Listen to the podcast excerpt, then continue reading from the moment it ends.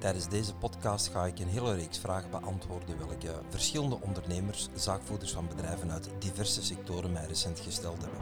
Door het vraag- en antwoordspel goed te bestuderen, vind je mogelijk ook antwoorden welke van toepassing kunnen zijn op jouw situatie, op jouw realiteit. Veel plezier bij het beluisteren van deze podcast.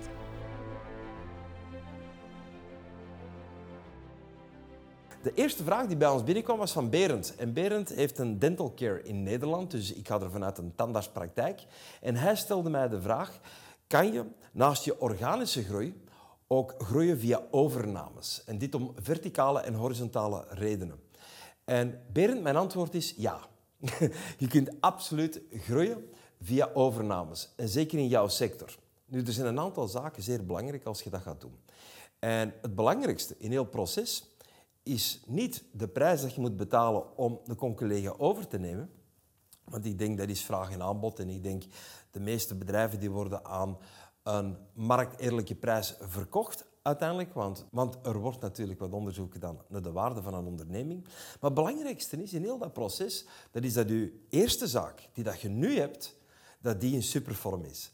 Dat die goed georganiseerd is dat deze bestaat één, uit de juiste procedures en systemen, de juiste customer care mee heeft, dat er ook een team is welke uiteindelijk het werk kan doen en dat deze mensen ook zelf verantwoordelijk kunnen werken. De bedoeling is dat uw onderneming een zelfwerkend systeem wordt, zodanig dat jij positief overbodig bent.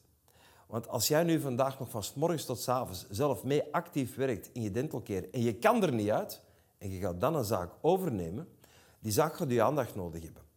Je wilt natuurlijk ook die nieuwe zaak in een gelijkwaardige supervorm brengen dan je eerste zaak. Er hangt een andere cultuur, er zijn andere mensen, er zijn andere procedures, er zijn andere systemen die mogelijk gebruikt worden. En jij wilt natuurlijk deze nieuwe zaak synchroniseren met je eerste zaak. Dus dat vraagt aanwezigheid van je. Zeker die eerste zes, zeven maanden moet je daar bijna fulltime kunnen zijn om die ook in topshape te kunnen organiseren. En als je huidige zaak nog niet in supervorm is en je aandacht vraagt, ga je daar de ruimte en de tijd niet voor hebben. Dat is ook mijn echte ervaring. Ik heb ooit een tweede zaak in de wereld gaan zetten en ik was er in principe nog niet klaar voor. Ik moest mijn tijd verdelen tussen die twee ondernemingen en ik haalde het potentieel niet simultaan uit die twee ondernemingen, welke erin zat. Dus uh, ik heb een en ander terug moeten reorganiseren.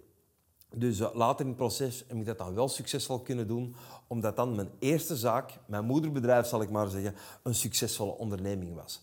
Dus ga eerst zorgen dat je bedrijf echt in supervorm is, dat je grotendeels positief overbodig bent en kan je dat leren via mijn live events, hoe dat je dat tot stand brengt. Ga de zaak goed systematiseren, dat die draait op de juiste procedures, de juiste werking en ga dan een tweede zaak overnemen. Nu, als je een tweede zaak gaat overnemen, hoe pak je dat aan? Je denkt natuurlijk aan partijen die denken aan verkopen, maar denk ook vooral aan conculega's welke nog niet denken aan verkopen. Wat je perfect kunt doen, dat is een praatje gemaakt met die conculega's en dat je openstaat voor overnames. En als ze ooit willen verkopen, dat ze een keer aan jou moeten denken. Zo je zaadjes. Er zijn mensen die een bepaalde leeftijd hebben, die zeggen ik heb het allemaal gezien, ik heb het allemaal gedaan, ik heb het allemaal gehad. En dan eventueel toch beginnen, dat begint, dat begint te draaien in hun hoofd en op een zeker moment willen ze gaan verkopen. En dan gaan ze jou bellen en dan gaan ze zeggen, kunnen we eens rond tafel zitten? En dat is een telefoon dat je wilt krijgen. En dan gaat je natuurlijk fair onderhandelen en dan kan je mogelijk een overname bewerkstelligen. Ik heb zo zelf een aantal klanten uit de farmacie, om het zo te zeggen. En deze doen succesvol overnames. En ze pitchen hier ook op. Dus uh, graag wil ik je er meer over leren als je een keer komt naar mijn live events. Maar ik ben er absoluut van overtuigd dat je met dit antwoord al een pak verder bent. Dus mijn antwoord was ja. Je kunt succesvol groeien door overnames te doen. En dit om verticale en horizontale redenen. Veel succes Berend. Tot snel. Laten we gelijk overgaan tot de volgende vraag. En ik heb ook een aantal ondernemers in de gelegenheid gesteld om een vraag te stellen via video. En er zijn ook video's binnengekomen. En de eerste video is van Bruno. Bruno is een klant van ons. Hij volgt uh, bepaalde opleidingen. En hij heeft een heel specifieke... Hi Karel, super initiatief om onze ondernemersvragen te willen beantwoorden. Mijn vraag is eigenlijk de volgende. Wij worden eigenlijk wel af en toe geconfronteerd met exorbitante vragen van klanten. Dat kan gaan van uh, het verlangen om gewoon gratis verder support te krijgen zonder supportcontract. Of ze bepalen eigenlijk zelf de productprijs. Ze zeggen van wij willen dit product wel kopen voor misschien een derde van de prijs die wij daar normaal voor aanrekenen. Dus mijn vraag is eigenlijk hoe kan je op een korte, krachtige, positieve manier dit soort exorbitante vragen van klanten gaan um, beantwoorden, zonder op die eisen in te gaan, maar toch te proberen uh, die klanten te binden, te helpen. Uh, dat is mijn vraag voor jou, Karel.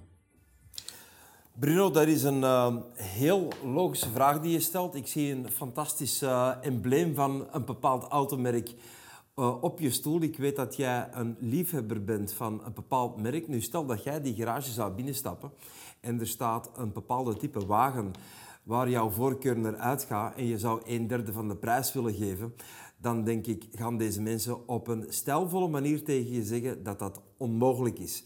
En dat moet je ook durven doen. Je moet gewoon tegen de mensen durven zeggen, dat kan niet. Want jij hebt natuurlijk een bepaalde waardeoverdracht die dat je wilt waarborgen, waar dat je garant voor staat. En die wil je natuurlijk in stand houden. Je wilt niet inboeten aan kwaliteit. Dus als mensen jou een buitengewone vraag stellen, kan je daar ook stijlvol direct op antwoorden, maar verklaar het gewoon even. Denk dat dat belangrijk is. Zeg ook van, kijk, wij staan voor deze waardeoverdracht, wij leveren deze dienst. Dat zijn de dingen die wij allemaal faciliteren. Dat willen we ook vooral blijven doen. Dat is onze standaard. Daar gaan we ook niet op bezuinigen. Dus om u een antwoord te geven op uw vraag, beste prospect of klant, nee, dat kunnen we niet doen. Maar we staan natuurlijk altijd klaar om u verder te helpen aan onze gewoon lopende tarieven, welke eerlijk en fair zijn en welke erop gericht zijn om u maximale kwaliteit te geven. Dus je moet gewoon durven nee zeggen. Af en toe moet dat gewoon. Als mensen naar mijn handel toe komen en zeggen we willen de helft betalen van datgene wat de normale prijs is, dan zeggen wij uh, ja, leuk dat u dat voorstelt en ik begrijp ook dat u wilt marchanderen, dat je wilt onderhandelen. Maar dit zijn onze vastgestelde prijzen waar we ook aan houden, omdat daar natuurlijk ook een kwaliteit tegenover staat. Het is vooral die kwaliteit die we absoluut willen blijven garanderen. Nu, uh, gebruik misschien ook mogelijk die vraag van die klant om een door, meer doorgedreven sales pitch te doen. Je kunt bepaalde unieke voordeelargumenten onder hun aandacht brengen, welke ze mogelijk eerder nog niet hebben begrepen. En van daaruit kan je zelf mogelijk een upservice, een upsell gaan doen naar je prospect. Dus gebruik de omstandigheden. Dus moet je daarop ingaan? Denk nee. Moet je het stijlvol verklaren waarom niet? Absoluut wel. Bruno, ik hoop u met je vraag, of tenminste met dit antwoord op je vraag van dienst te zijn geweest. En natuurlijk wil ik u heel snel terugmaken in een live omgeving zien, zodanig dat we terug als mensen weer kunnen verbinden. Tot snel en ondertussen, be wel. Gaan we gelijk over naar de volgende vraag. Hallo, ik ben Injas Krekels van de firma Aanwervingshuis te Kortrijk en Gent. We doen personeelsrecrutering en selectie. En mijn vraag voor Karel was, uh, hoef ik mij, of moet ik mij schuldig voelen uh, nu ik toch iets meer slow down ga doen, meer genieten van het leven. Corona heeft mij een stuk uh, wakker geschud. Misschien was ik niet altijd goed bezig. Dus toch een stukje meer genieten van het leven. Dus hoef ik mij dan schuldig te voelen door het feit dat misschien het zakencijfers uh, er zal onder lijden. Ik vraag me af of we altijd wel goed bezig zijn uh, voor de coronatijd. Uh, veel uren kloppen, veel stress. En corona heeft me toch wel geleerd dat er ook andere zaken zijn in het leven. vandaar mijn vraag aan Karel. Dus ik ben benieuwd. Tot ziens. Dag. Ja, in jas. Uh, ik denk dat veel mensen in tijden van quarantaine aan bezinning hebben gedaan. En vooral hun persoonlijke voorkeuren in kaart zijn gaan brengen. Dat wil ik vooral wel in de toekomst en dat wil ik vooral niet meer. En dat heb jij mogelijk ook gedaan.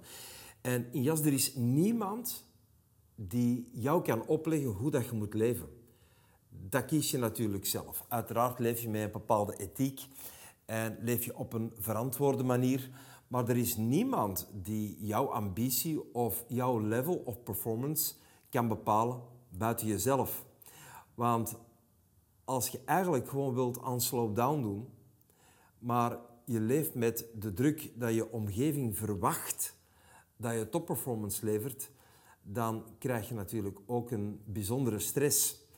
Nu, ik denk wel dat we als mensen onze verantwoordelijkheid moeten nemen. En je hebt niet alleen de verantwoordelijkheid over een gezin, maar je hebt ook de verantwoordelijkheid over jezelf. Je hebt ook de verantwoordelijkheid over een bedrijf. En je moet daar, denk ik, je eigen ritme in vinden.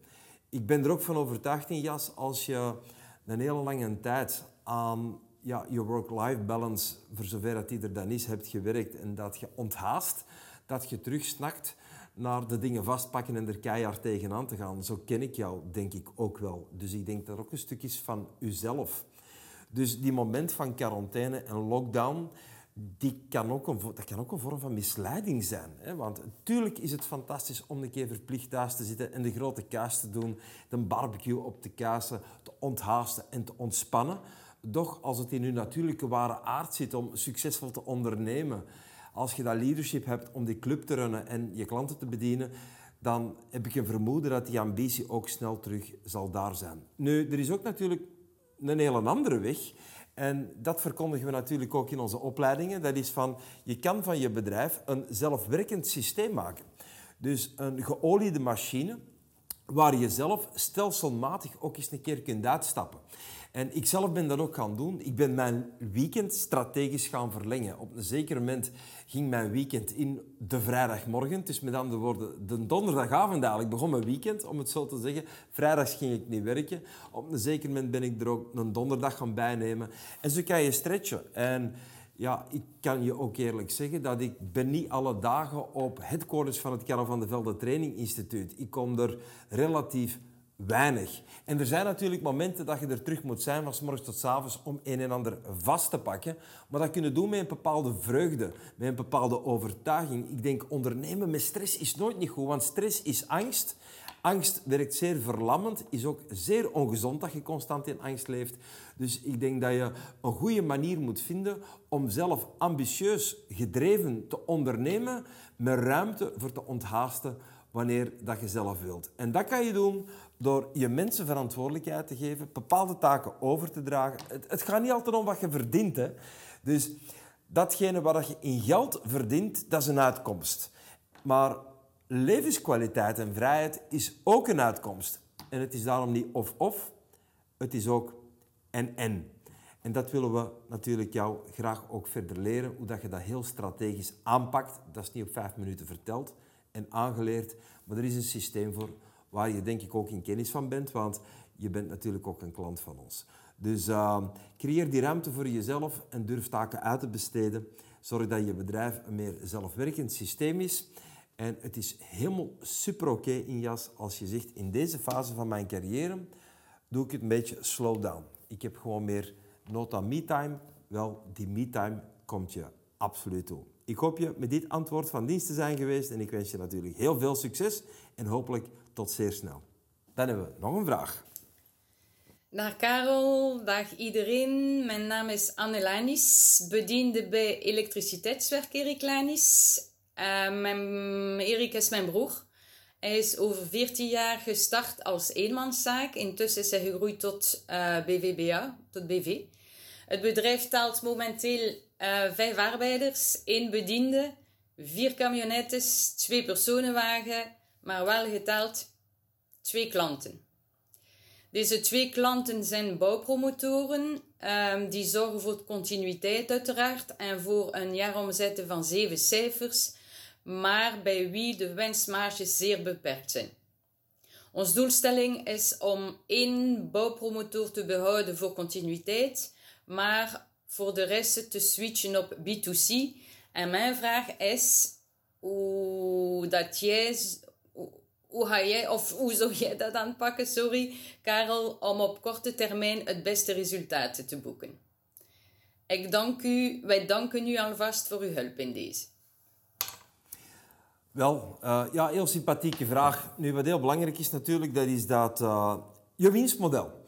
Ondernemen vraagt een verantwoordelijkheid. En een belangrijke verantwoordelijkheid die je hebt als ondernemer, dat is goede winst maken. Want Goede winst zorgt ervoor één dat de facturen vlot kunnen betaald worden, dat er mensen kunnen in dienst genomen worden, dus dat je ook een goede werkgever bent, dat je werkgelegenheid creëert, maar dat je daarnaast ook daarvoor gecompenseerd wordt. Nu, naast je compensatie die je ontvangt als ondernemer, moet je natuurlijk ook reserves aanleggen. Dat hebben we ook geleerd in heel die coronacrisis. Dat is dat je moet een stevige oorlogskas hebben om onverwachte omstandigheden te kunnen overbruggen. En ik denk dat het helemaal oké is om uh, en-en te werken. Dat je enerzijds uh, met bouwpromoten of projectontwikkelaars samenwerkt waar je tegen een aardige winstmarge, want die moet er absoluut wel zijn, bepaalde werken uitvoert, maar dat je daarnaast ook inzet op eventueel de B2C-markt, dat je zelf, want iedereen kan projectontwikkelaar zijn, zeker dat je ervaring hebt in de industrie, en een aantal projecten doet die een uh, veelvuldigheid van winst ook weer kunnen tot stand brengen. En uh, dat vraagt wat durf.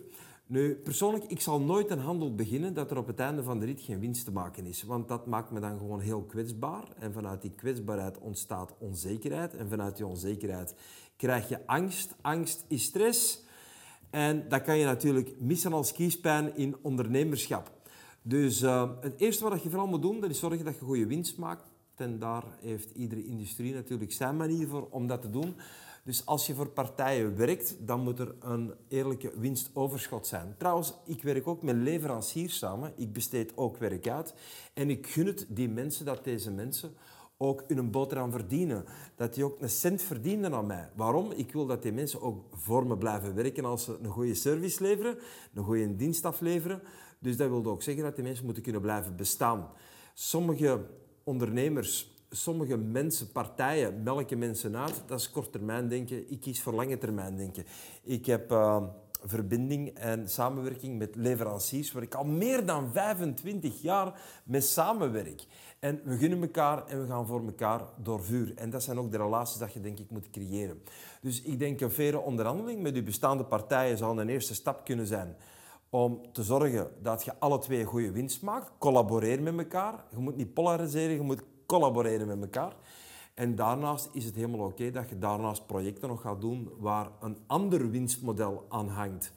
Um, persoonlijk, ik geloof uh, in multiple business. Je moet niet in één industrie actief zijn. Je kunt in meerdere industrieën tegelijkertijd actief zijn als je ondernemersvaardigheden hebt. Dus ik denk dat jullie absoluut er goed aan doen om jullie zelf terug te heruitvinden. Ik zou voordat je de samenwerking stopzet met een partij, eerst het collaboreren opzoeken. Samen rond de tafel gaan zitten en naar elkaar toe gunnen dat er langs twee kanten een goede winstoverschot is. Kan dat niet, zegt de andere partij, wij willen vooral verdienen en jij mag niet verdienen. Ja, dan heb je natuurlijk ook het signaal gekregen dat je je beter gaat heroriënteren naar een andere partij of andere projecten waar dat je een leuke cent op het einde van de rit aan kunt verdienen. Ik hoop je met dit antwoord van dienst te zijn geweest en ik wens jullie natuurlijk onwaarschijnlijk veel succes. Gaan we gelijk over naar de volgende vraag. Ja, er zijn wat vragen binnengekomen via video, wat ik fantastisch vind, want dat is heel helder en duidelijk. Bonjour Karl, bonjour tout le monde. Hey, hallo iedereen, dag Karel, dag uh, beste kijkers allemaal. Um, wij hebben een uh, fles uitgebracht, allee wij, ik zeg uh, mijn echtgenote, die is Franstalig, dus al wat ik nu zeg verstaat zij niet.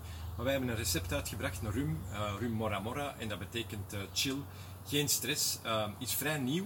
Um, en komt van Madagaskar, net als uh, mijn echtgenoten. En wij bevinden zich nu in ons uh, restaurant, heel dicht uh, bij Lyon, vlak aan het water. het restaurant waar dan mijn vrouw chef-kok is en ook eigenaar van is.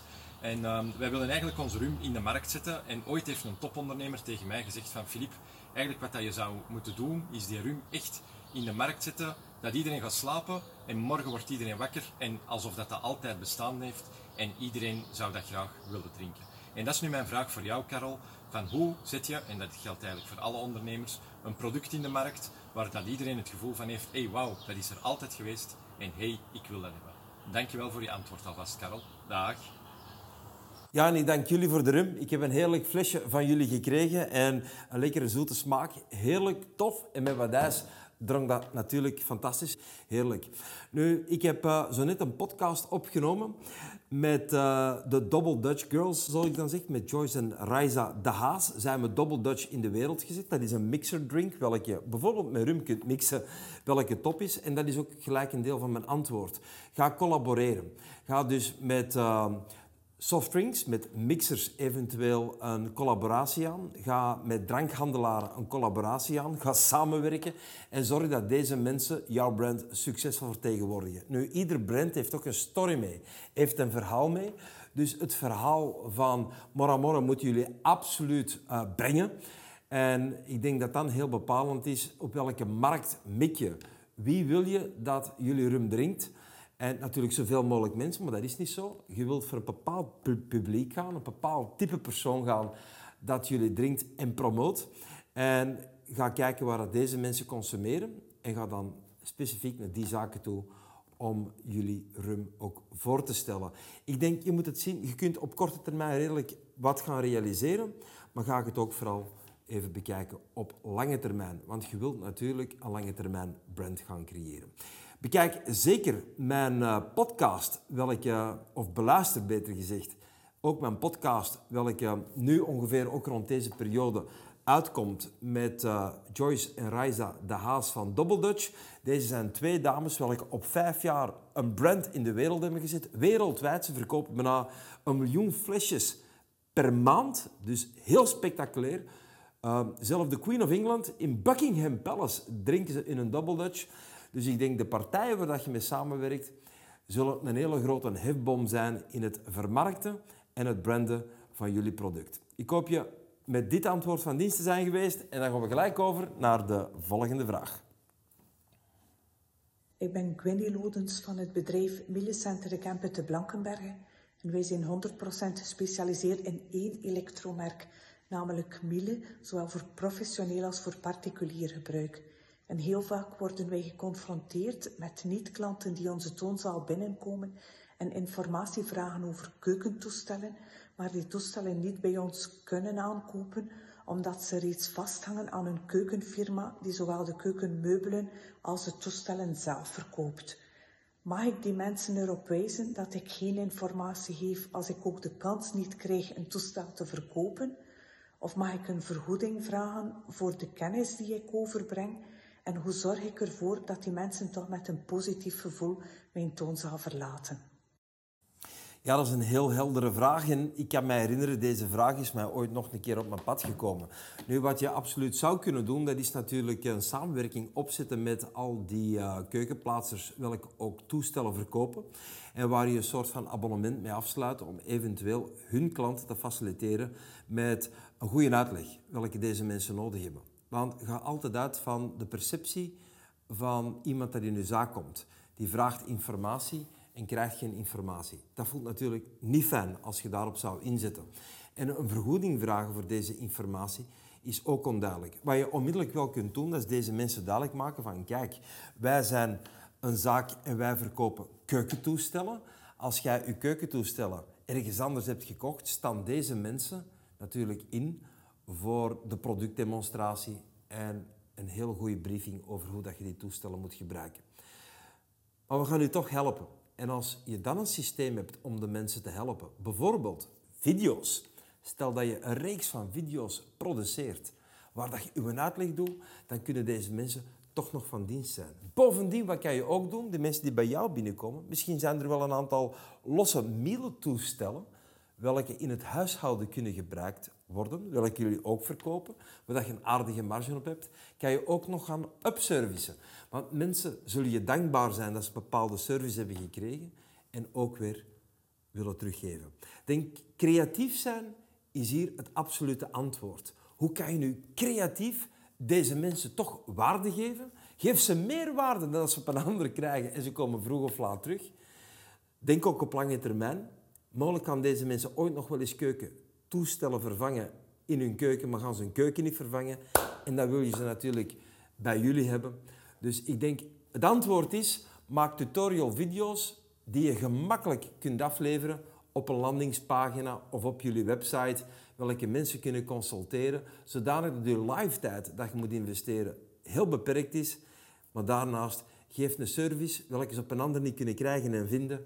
En je maakt klanten voor het leven. Dus wees creatief. Dus het antwoord leeft in jullie zelf. Je moet alleen natuurlijk een beetje buiten de muren kijken, buiten je comfortzone kijken. Dus ga absoluut aan de slag, want er is nog zoveel mogelijk. Ik hoop je hiermee van dienst te zijn geweest en ik wil jullie natuurlijk heel graag weer snel ontmoeten op een van onze events.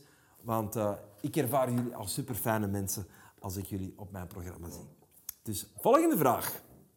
Dag mijn naam is Simon Adriaanses, zelfstandig reisadviseur voor zowel bedrijven als particulieren. Ik heb aandachtig jouw masterclasses gevolgd de voorbije weken, heel wat bijgeleerd en opgestoken om ook concreet toe te passen in onze zaak de komende maanden.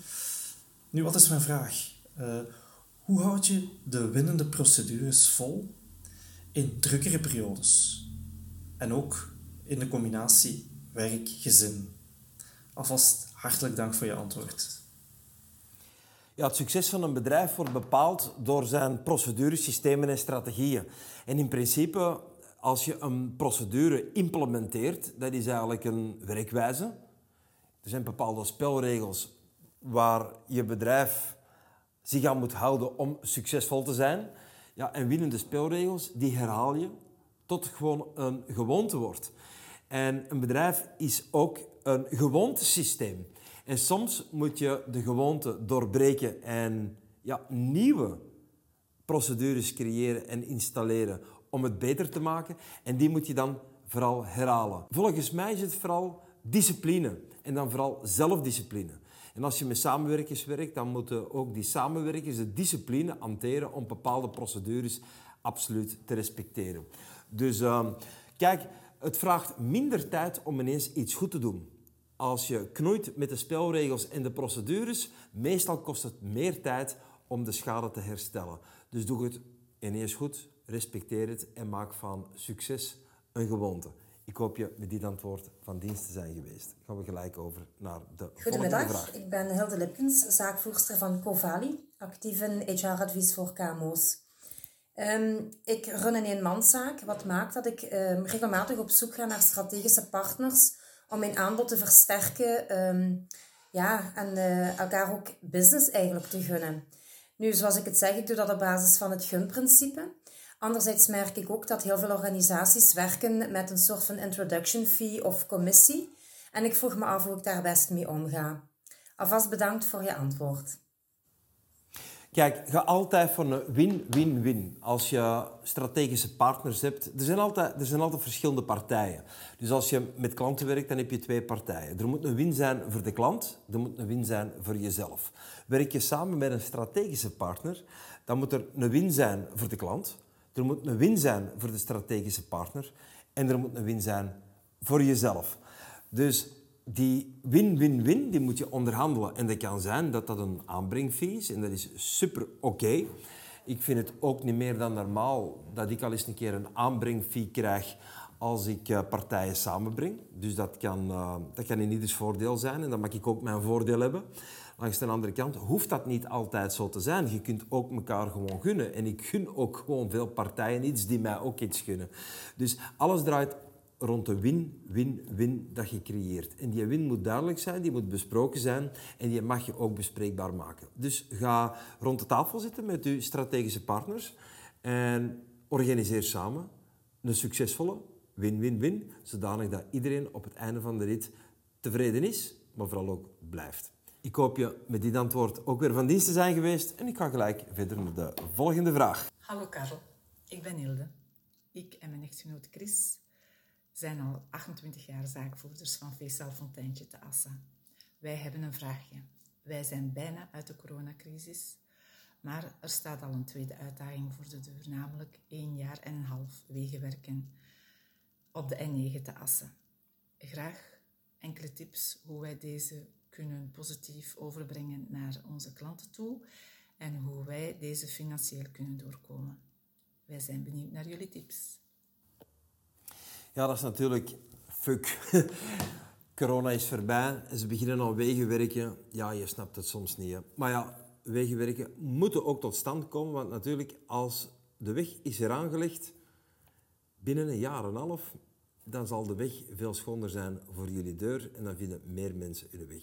Kijk, ik, heb, uh, ik ben ook klant bij bepaalde partijen waar ze ook wegenwerken hebben uitgevoerd, ook voor een langere tijd. Ik denk de communicatie met de prospects en klanten is zeer bepalend. Als jij heel goede richtlijnen geeft, hoe dat ze heel snel en gemakkelijk bij u kunnen komen en hoe dat ze veilig bij u kunnen komen, dan gaan mensen absoluut blijven komen. Nu stel dat ze alles platleggen voor de deur, wat ook kan gebeuren, dat mensen echt niet gaan willen komen, dan moet je andere uh, dingen gaan doen. En wat, wat ik ooit heb geadviseerd aan een klant, dat is van kijk, die had een zaak en ze gingen er wegenwerken doen. Ik heb gezegd van kijk, als het mogelijk is, en ik weet niet dat het mogelijk is voor jullie, maar sluit die zaak van een tijd en open een nieuwe zaak. En ga net die tijd gebruiken om van die nieuwe zaak gelijk ook een zelfwerkend systeem te maken. Op een jaar, een jaar en een half. En als dan de weegwerken voorbij zijn en je gaat de zaak, je eerste zaak terug heropenen, dan heb je gelijk twee succesvolle ondernemingen. En die heeft dat gedaan en die is buitengewoon gegroeid. Dus dat kunnen jullie eventueel ook doen. Dus als jullie zeggen, nee, een tweede zaak, daar gaan we niet aan beginnen, wel, ga dan de toegangswegen met de gemeente onderhandelen, zodanig dat de potentiële klanten en klanten uiteraard hun weg nog vinden naar jullie. En ga vooral goed communiceren hoe dat ze bij jullie geraken. Mensen die doen moeite om kwaliteit te vinden. Ik hoop jullie hiermee van dienst te zijn geweest. Ga ik gelijk ook weer over naar de volgende vraag. Hallo Karel, heel erg bedankt eh, voor de selectie om mijn vraag te mogen stellen. Het is zo dat uh, ik uh, niet alleen tijdens die acht weken business um, heel veel inzichten gehad heb, maar ook op de seminars die ik e eerder volgde. En uiteraard uh, ook uh, met, via mijn login op jouw uh, Karel van de Velde Academy haal ik natuurlijk heel veel inzichten, heel veel, maak ik ook heel veel notities. Het makkelijke daaraan is ook dat je het constant kan op pauze zetten, rewind, forward, noem maar op. Dat is allemaal fantastisch en ik heb daar ook een heel, heel, heel pak notities aangelegd. Uh, ik heb ook de business doordachte blauwdruk uh, gemaakt, zoals jij hem ook uh, heel gedetailleerd uitgelegd hebt. Nu, alleen stel ik vast dat ik niet die stappen ehm, gewoon kan overlopen ehm, van in het begin tot op het einde. Omdat ik vrees dat ik dan, dat het dan, dat ik dan business verlies onder, ondertussen. Dus uh, in dat opzicht vraag ik me af, waar moet ik mijn prioriteiten leggen? Moet ik bijvoorbeeld eerst beginnen met mijn marketing aan te pakken, mijn aanbod, mijn winstmodel? Uh, waar start ik om het bedrijf volledig te transformeren? Want natuurlijk, het makkelijkste zou zijn het bedrijf ontbinden en een nieuw bedrijf opstarten. Dan zou het mij wel duidelijk zijn waar ik start. Uh, maar dat ja, doe ik liever niet natuurlijk. Na 30 jaar een succesvolle onderneming te hebben. En ze is trouwens nog altijd succesvol. We zijn ook heel goed terug opgestart na de corona. Mede ook door jouw uh, inzichten en tips die je meegegeven hebt. Uh, maar nu kom ik toch wel even, uh, ja, wil ik toch wel even weten wat is prioriteit? Hoe bepalen we de prioriteiten en waar gaan we eerst mee aan de slag? Alvast bedankt uh, voor uw uh, antwoord en zoals steeds vertrouw ik er volledig op dat dat weer een helderend en verduidelijkend antwoord zal zijn. Dankjewel en tot snel. Dag. Ja, mijn antwoord zal ook zeer duidelijk zijn. Waar moet jij nu naar kijken als je je bedrijf gaat reorganiseren naar meer en beter? Dat is naar je huidige bottleneck. Dus waar loopt het nu op vast? En dat zijn verschillende dynamieken. Dat is ofwel marketing, je hebt te weinig potentiële klanten, dan moet je inzetten op marketing. Stel dat je veel potentiële klanten hebt, maar je verkoop is niet goed, ja, dan zijn het je sales skills die je moet aanscherpen. Dan is het je salesorganisatie dat je moet reorganiseren dat je moet aanpakken. Stel, je sales is zeer goed. Je produceert een onwaarschijnlijke verkoop, maar je uitlevering, je uitvoering, het uh, uitleveren naar de klanten heeft een achterstand, dan is je productie een bottleneck en dan moet je dat gaan organiseren. Mogelijk is je marketing goed georganiseerd, zijn er veel potentiële klanten, je maakt een aardige conversie, dus je verkoopt goed, de productie loopt goed, maar je zit met de uitdaging dat je wat hinder hebt met mensen op je company. Dan zijn je medewerkers de bottleneck van je organisatie of je leadership en dan moet je dat aanpakken. Dus mijn antwoord op je vraag is, pak je bottleneck aan. Wat is nu de grootste zorg op bezorgdheid binnen je company? En begin met dat te ontmantelen, die bezorgdheid dan, en die beter te organiseren. En ga van daaruit verder. Want als je een bottleneck oplost, dan ontstaat er altijd wel een nieuwe bottleneck. Of er komt een nieuwe bottleneck bloot, wat je vroeger niet als een zorg zag of een bezorgdheid zag, wat je nu wel als een bezorgdheid gaat zien, omdat je company meer volmaakt wordt.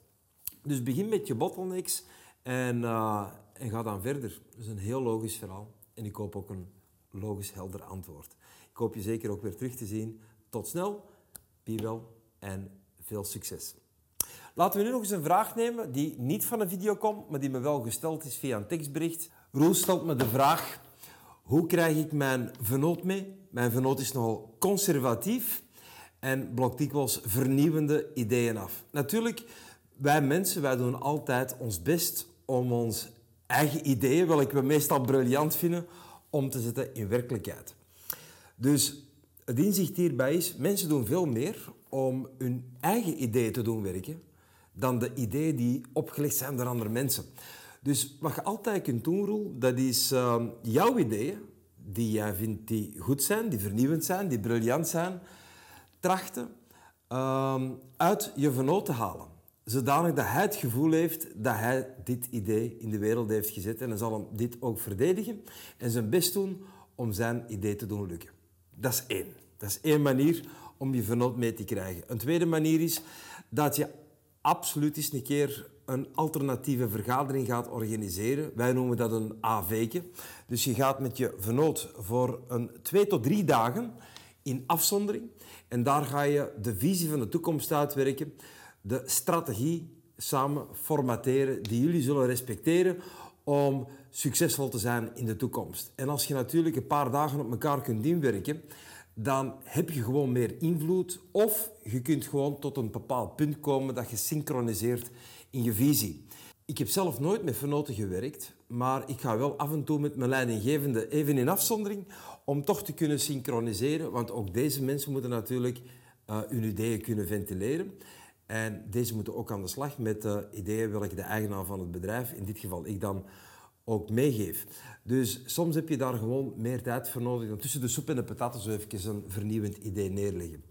Dus uh, mijn advies, één, laat de goede ideeën uit je vernoot komen. Twee, mogelijk moet je eens een keer in afzondering gaan. Een alternatieve vergadering, bijvoorbeeld eens een weekendje naar de Ardennen. Of bijvoorbeeld eens een seminar gaan. Dat merk ik dikwijls, dat twee vernoten op mijn programma komen. Er is altijd één vernoot meer ambitieus en meer de voortrekker dan de ander. Maar dikwijls in zo'n tweedaagse, een driedaagse of een vijfdaagse, daar synchroniseer je. Daar word je alle twee wat meer scherp en wakker. En dan kan je na de uren ook overleggen wat jullie vastpakken en waar jullie mee aan de slag gaan. En dikwijls, als een derde iets zegt, komt het gewoon beter binnen dan wanneer je tegen elkaar zegt. Dus ik hoop je met dit uh, antwoord van dienst te zijn geweest, Roel. Ik wens je absoluut veel succes met je vernoot en je onderneming. En hopelijk tot snel in een live omgeving gaan we over naar de volgende vraag. De volgende vraag is de vraag van Els. En dit is een bijzondere vraag. En dit is ook gelijk de laatste vraag die ik tijdens deze Q&A-ronde ga beantwoorden. Want hier wil ik wat langer op ingaan, want dit is een vraag die voor iedereen van toepassing is. En de vraag is van, kan je een winnaarsmentaliteit aanleren? Wel, het antwoord is dubbel. Ja en nee. Nu, winnaarsmentaliteit is alvast zeer bepalend, zeker in business. Je moet willen winnen met je handel. Je moet willen slagen. Je moet dat competitief beestje zijn, want natuurlijk je concurrenten die zijn mogelijk ook competitief. En die wil om te winnen, die wil om te slagen, is zo noodzakelijk in eender welke competitieve discipline. En handel is gewoon competitief, want er zijn concurrenten. En het is diegene die het winnend verschil maakt, die ook de handel ophaalt en welke uiteindelijk mogelijk ook zijn concurrenten buiten het spel zet. En de dag van vandaag is er veel concurrentie, is er veel competitie en zie je ook gewoon bedrijven out of business gaan omdat de mindset binnen die companies niet competitief genoeg is. Ze zetten dikwijls te laat in op noodzakelijke transformaties. Transformaties die nodig zijn om in de toekomst ook nog succesvol te zijn. Wij leven in een economie die heel competitief en veranderlijk is. En daarom moet je scherp zijn, je moet mee zijn, je moet willen winnen. En niet iedereen heeft dat evenveel. En natuurlijk, jij kan enkel voor jezelf gaan meten hoe competitief dat je daadwerkelijk bent.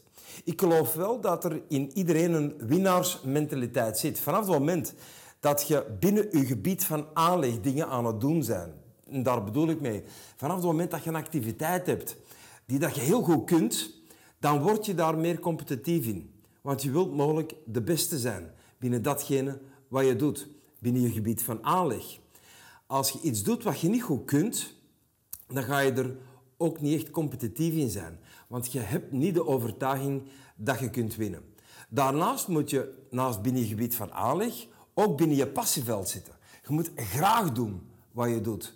En als je die twee kunt combineren, als je binnen je gebied van aanleg kunt werken en je bent ook binnen je passieveld, dan kan je bijzonder competitief worden. Trouwens, in ieder van ons schuilt een winnaar. Dat vertel ik ook in mijn seminars. Ooit was je vader en je moeder elkaar graag aan het zien. Er kwam een bepaalde chemie tot stand. Toen werd het startschot gegeven. Je bent beginnen zwemmen, zwemmen, zwemmen. En jij bent tussen al die miljoenen anderen als eerste in dat ijsselke gesprongen. En negen maanden later was je geboren. Als een geboren winnaar. Dus ik denk, in iedereen leeft een winnaarsmentaliteit.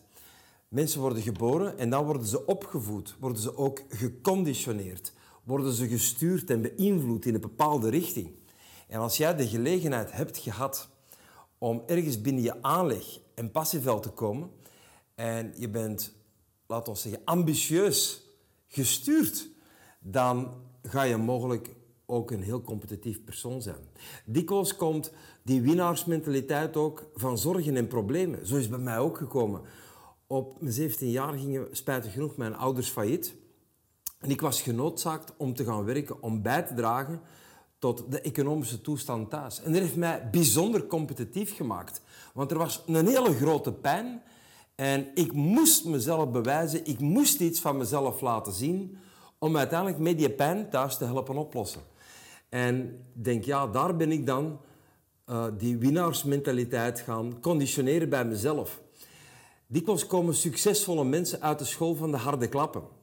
Wil dat zeggen dat diegenen die de harde klappen hebben gemist minder competitief zijn? Nee, niet altijd, maar toch merk je wel dat mensen welke in bijzondere pijn zijn geweest of bijzondere uitdagingen hebben moeten tackelen, dikwijls ook bijzonder competitief zijn. Ik denk dat je voor jezelf de juiste ambities moet kiezen, de juiste drive moet kiezen, een juiste reden moet vinden om te doen wat je moet doen. En in principe, uw goesting, uw verlangen om iets te bereiken, zou groter moeten zijn dan de obstakels en de angsten dat er zijn. En vanaf die moment ben je natuurlijk zelf gemotiveerd. En zelf gemotiveerd zijn is een heel belangrijke. Je moet gewoon het werk willen doen om succesvol te kunnen zijn. Je moet die verbeteringen op jezelf willen doorvoeren, op je organisatie willen doorvoeren. Je hebt dat competitief gevoel nodig om ook iedere dag dat verschil te willen maken. En in de één persoon leeft dat meer dan in de ander. Ik geloof wel dat je dat kunt stimuleren. En het zijn dikwijls omstandigheden die dat stimuleren. Stel dat je morgen echt in een zorg komt, dan ga je mogelijk vanuit die zorg meer competitief zijn. Ik geloof ook dat je omgevingswereld dat kan stimuleren. Als je een peergroup hebt, een omgevingswereld hebt van mensen die allemaal het verschil willen maken, die productief zijn, die uh, succesvol willen zijn, die willen slagen, dan wil je natuurlijk ook mee met je omgevingswereld en je gaat ook scherper zijn, ga ook meer die winnaarsmentaliteit gaan adopteren. Maar stel dat je omgevingswereld allemaal mensen zijn van die zeggen relaxed, work-life balance, we moeten nu winnen, dat we meespelen, dat is goed genoeg. Dan ga je mogelijk ook die drive om te winnen verliezen. Stel dat je nu, en dat is een schoon metafoor, een gezelschapsspel aan het spelen bent. En je speelt met mensen die willen winnen en jij wilt ook winnen, dan is dat een plezant spel. Er zit een dynamiek in, dat is de moeite waard om te spelen, dat is competitief. Nu, stel dat je wilt winnen, maar je speelt met mensen die geen moeite doen om te winnen, die ook niet competitief zijn ingesteld, dan wordt dat snel een saai spel. voor diegenen die willen winnen. Dus als jij een spel speelt, speelde mee om aan tafel te zitten of speelde om te winnen? Dat is een vraag dat je zelf moet beantwoorden. En als je je omringt met mensen die die winnaarsmentaliteit hebben, daarom komen ook dikwijls mensen naar mijn seminars, omdat ik niet alleen inzichten meegeef voordat je iets mee kunt, maar ik ga ook vooral peperkruiden op de kont, om het zo te zeggen. Peper in de kont is een uitspraak die dikwijls wordt gebruikt. En dat heb je ook nodig als ondernemer. Peper in de kont. Je moet echt willen bewegen. Je moet willen winnen, je moet willen slagen. En ik kan u één ding beloven, als je in mijn omgeving een tijdje bent, dan werkt dat ook aanstekelijk. Ik geef ook inzichten mee hoe dat je kunt winnen. En daar vertrekt natuurlijk ook heel veel mee. Dat is, als je een zicht hebt hoe dat je het allemaal tot stand kunt brengen, ja, dan, dan wordt het plezant, dan wordt het interessant. Want je komt in de nabijheid van je doel, op zijn minst al emotioneel mentaal, want je ziet een weg daar naartoe. Maar als je totaal radeloos bent, dan speel je mogelijk ook die ambitie kwijt. Dus het is zo belangrijk dat je inzet op een aantal dingen. Eén, doe dingen die binnen je aanleg liggen. Dat is belangrijk. Zorg dat je vooral dingen doet die binnen je passieveld liggen. Dat is noodzakelijk.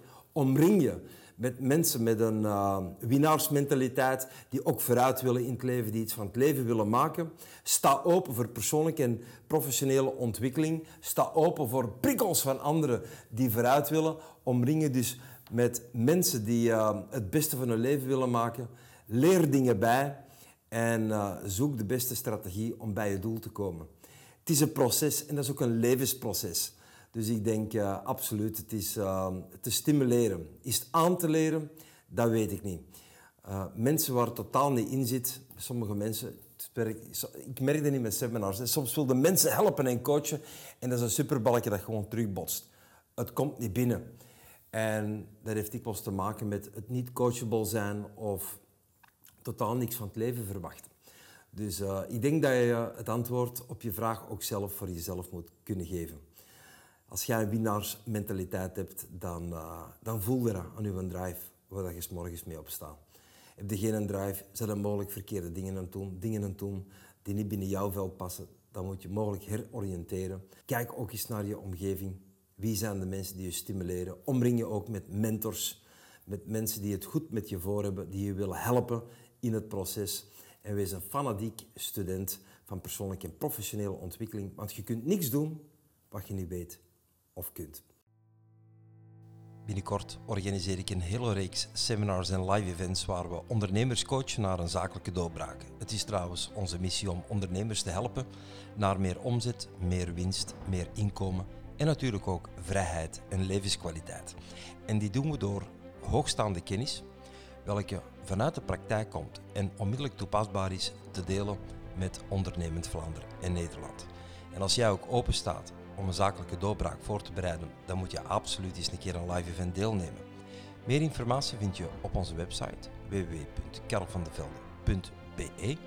Surf even naar ons platform en ontdek welk programma dat voor jou de grootste doorbraak kan tot stand brengen. Veel plezier en doe de dingen die dat je mocht en kunt doen met graagte en overtuiging.